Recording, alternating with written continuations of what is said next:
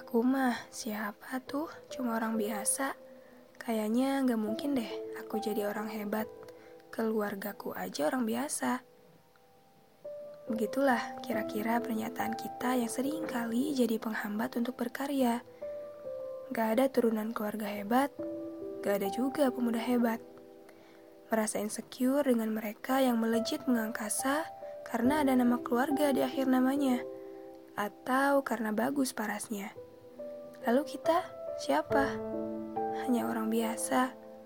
Sayang, kita sering kali lupa bahwa ada juga seseorang yang lahir dari keluarga biasa, bahkan dirinya pernah sampai akan dibunuh oleh ayahnya sendiri hanya karena dirasa pembawa sial.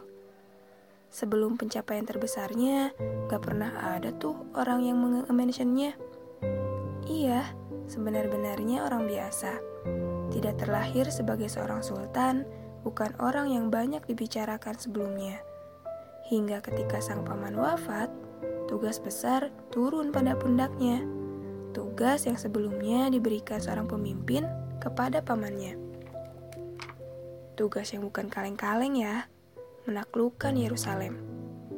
Dengan bekal kemampuan berkudanya, menggunakan senjata, dan tumbuh dalam lingkungan yang sangat mencintai jihad, membuat dia secara halus berstrategi dalam penaklukan Yerusalem itu.